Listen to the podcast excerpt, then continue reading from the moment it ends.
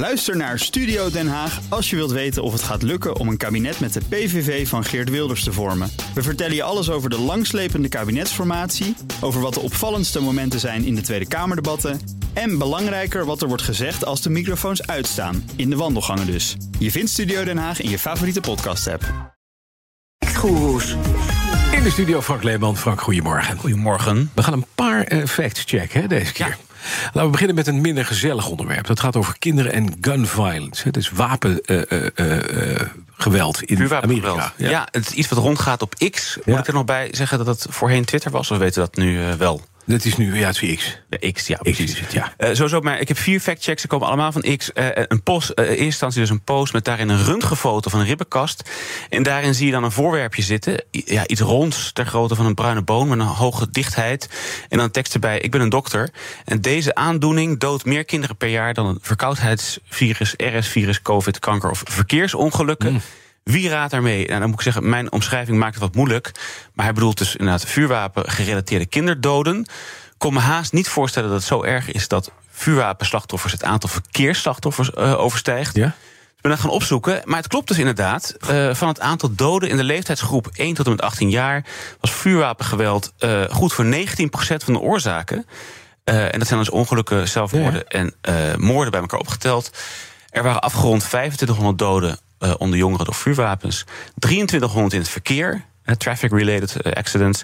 En daarmee is de kans, uh, ja, als je dus jonger bent dan 18. Je een kogel is groter dan een overlijden op je fiets. Precies, ja. Nou ja, in de fiets zeker daar. Ja, maar, ja. uh, en dat, de mate waarin dat gebeurt, ook schokkend. Tussen 2019 en 2021 voor vuurwapens is dat met 50% toegenomen. Want in 2019 waren er nog maar of maar 1720 doden onder, uh, door vuurwapens. Dus ja. post in ieder geval wel klopt. Eng. Blijf een beetje in het onderwerp, maar dan iets over auto-inbraak in San Francisco. San Francisco heeft last van smash and grabs, waarbij er bij auto's wordt ingebroken heel snel. Uh, en dan niet eentje, maar hele straten achter elkaar. Als het bijna een soort lopende bandwerk. Er is onder andere een filmpje te zien waar iemand echt ja, achter elkaar autoruiten ziet inslaan. Een paar tassen eruit haalt. Die dumpt bij een soort bezemwagen. En dan meteen doorgaat naar de volgende auto. En zo hele straten werken ze ja. af. Veel kritiek krijgt het leiderschap van San Francisco hierop. Al een jaar of twee zijn zelfs wat mensen afgetreden. Maar het filmpje waar het nu om gaat is een andere variant van zo'n soort van inbraak-estafette.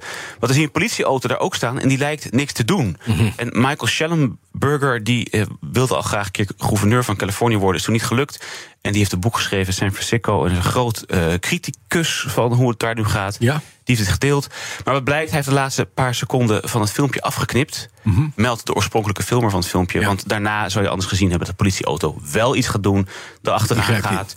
Ze niet te pakken krijgt, maar later wordt ze toch aangehouden. Blijkt ook in een gestolen auto te zitten. Ja, ja precies. Uh, dus ja, het is niet waar dat de politie daar niet optreedt nee. en niet bang is. Uh, overigens is inderdaad de inbraken daar wel een issue geworden. En ik was overigens deze zomer in San Francisco toptijd gehad. Geen ja, inbraken aan de hand. Nee. nee. Geen auto ook. Wel, wel gezien, ja. Even lokaler, want dan gaat het over Nederlanders en fietshelmen. Ja, ook social media, de X-post dus. Uh, ja? Iemand die we eigenlijk niet kennen, maar toch 100.000 volgers heeft... en een bericht had 230.000 views... Uh, namelijk, volgens het bericht heeft de Nederlandse fietsinstructeur zo veilig aangelegd... dat maar 0,5% van de Nederlanders met helm fietst. De oorspronkelijke bewering komt van een artikel op Vox.com. Vox ken je misschien van uitlegvideo's. Mm -hmm. Nou, nu zijn we als Nederlands natuurlijk enorm trots op onze fietscultuur, maar 0,5% vond ik toch best wel weinig. Ja, ja. Uh, cijfers opgezocht. Er is maar één set cijfers, die komt in 2015. Het is nog van voordat de elektrische fiets de wind meekreeg. Ja. Uh, maar goed, volgens die set cijfers van de SWOV, Instituut voor Wetenschappelijk Onderzoek Verkeersveiligheid. Ja mag je ze slechts als indicatie zien, maar het zijn niet super betrouwbare cijfers. 34% van de mensen zegt een helm te hebben. Vind ik daar weer heel veel. Nou. 2% zegt bedragen hem ook daadwerkelijk. Onder wielrenners en sportfietsers is het 96% ja. dat ze hem dragen. Dus uh, niet mogelijk om daar een goede factcheck op te doen. Maar vermoedelijk is het aanzienlijk meer, dan, dan die 0,5 ja. procent. En ik denk ook dat die cijfers het oud zijn. Want als je ziet hoeveel, hoeveel ouderen tegenwoordig met elektrische fiets rijden... met een helm op... Dat begint echt wel ja, waardevol, te zijn. waardevol opnieuw, opnieuw te onderzoeken. Ja, ja, ja. zou ik ook uh, aanraden. Ja, zeker. Dan als laatste, gaat, en dat gaat over de voedselbank. Ook weer op X, hè? Ook weer op X. Tussen 2008 en 2022, zegt iemand... nam het aantal Nederlandse huishoudens dat aangewezen is op voedselbanken toe... van 6.000 naar 120.000. Een vertwintigvoudiging dus. Precies. En dat zou dan volgens deze poster de schuld zijn van Rutte. Mm -hmm. uh, het account heeft ook 46.000 volgers. Deze post 100.000 views bijna.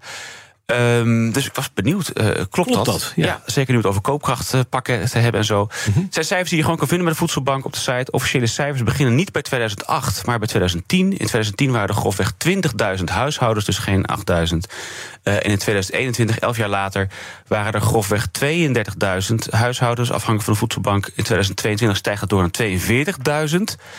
Uh, dat getal voor 2008 is overigens wel die 8000 huishoudens. Maar relevant is dat de voedselbank pas in 2002 sorry, is geopend.